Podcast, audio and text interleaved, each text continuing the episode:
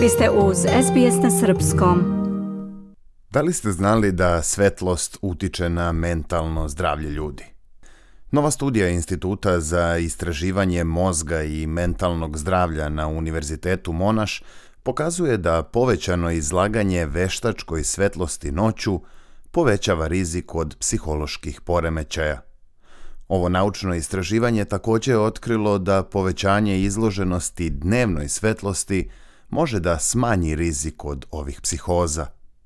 Vodeći istraživač ove studije, profesor Sean Kane, kaže da je način na koji u današnje doba doživljavamo svetlost izuzetno štetan za ljudsko telo. In general, we We spend too much time indoors and, and that's Profesor Kane kaže da generalno gledano provodimo previše vremena u zatvorenom prostoru, a to je loše iz nekoliko razloga.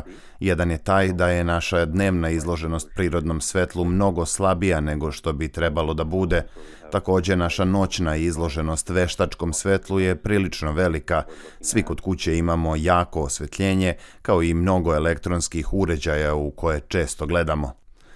Studija Univerziteta Monaš najveća je do sada urađena u svetu o značaju i štetnosti izloženosti ljudi svetlosti. U ovom istraživanju ispitani su individualni primeri izlaganja svetlosti za oko 87.000 ljudi. Istraživači su zatim povezivali te obrazce sa verovatnoćom razvoja širokog spektra psihijatrijskih poremećaja – Otkriveno je da se rizik od depresije povećava za 30% kod onih koji su bili izloženi velikim količinama svetlosti tokom noći, dok je rizik smanjen za 20% kod ljudi koji su bili izloženi istoj količini prirodne svetlosti tokom dana. Isti ili slični rezultati takođe su uočeni kod ponašanja kao što su samopovređivanje, psihoza, bipolarni poremećaji, anksiozni poremećaji i poremećaji izazvani posttraumatskim stresom. Profesor Kane kaže da ove rezultate treba shvatiti ozbiljno. What we can do is try to get Profesor ukazuje da je potrebno pojačati izloženost svetlosti tokom dana kroz više vremena provedenog na polju i malo više sunčeve svetlosti u očima. S druge strane, noću treba što više biti pod prigušenim i toplim svetlom nalik onome koje daje svetlost upaljenih sveća. Takođe, Kane dodaje da je utvrđeno da jaka svetlost noću ometa cikluse spavanja i uzrokuje isprekidan san. Iz Fondacije za zdravo spavanje kažu da je i odnos između mentalnog zdravlja i sna dvosmeran, odnosno da oni utiču jedno na drugo. Samim tim, poboljšanje sna može sprečiti i pogoršanje mentalnog zdravlja. Izvršna direktorka ove fondacije Moira Junga kaže da svetlost ne utiče samo na hormone koji postiču san, već i na hormone koji čine da se osjećamo dobro. We know that Junga kaže da je melatonin hormon neophodan za pokretanje i održavanje sna, a on se luči u mračnim uslovima.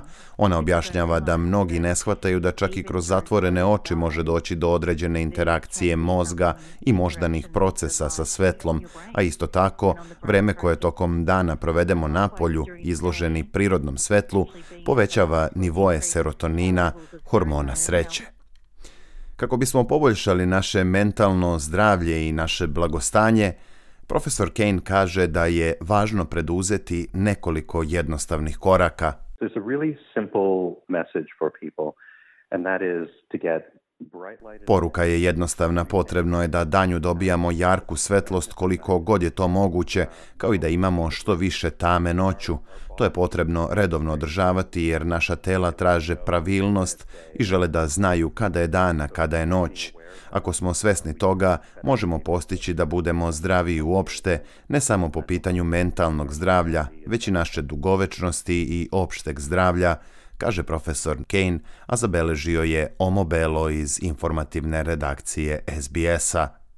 Ukoliko je vama ili nekome koga poznajete potrebna podrška mentalnom zdravlju, pozovite službu Beyond Blue na broj telefona 13 00 224 636 ili pozovite Lifeline na 13 11 14. Slušate SBS na srpskom. Ja sam Branko Cvetojević. Ostanite uz nas.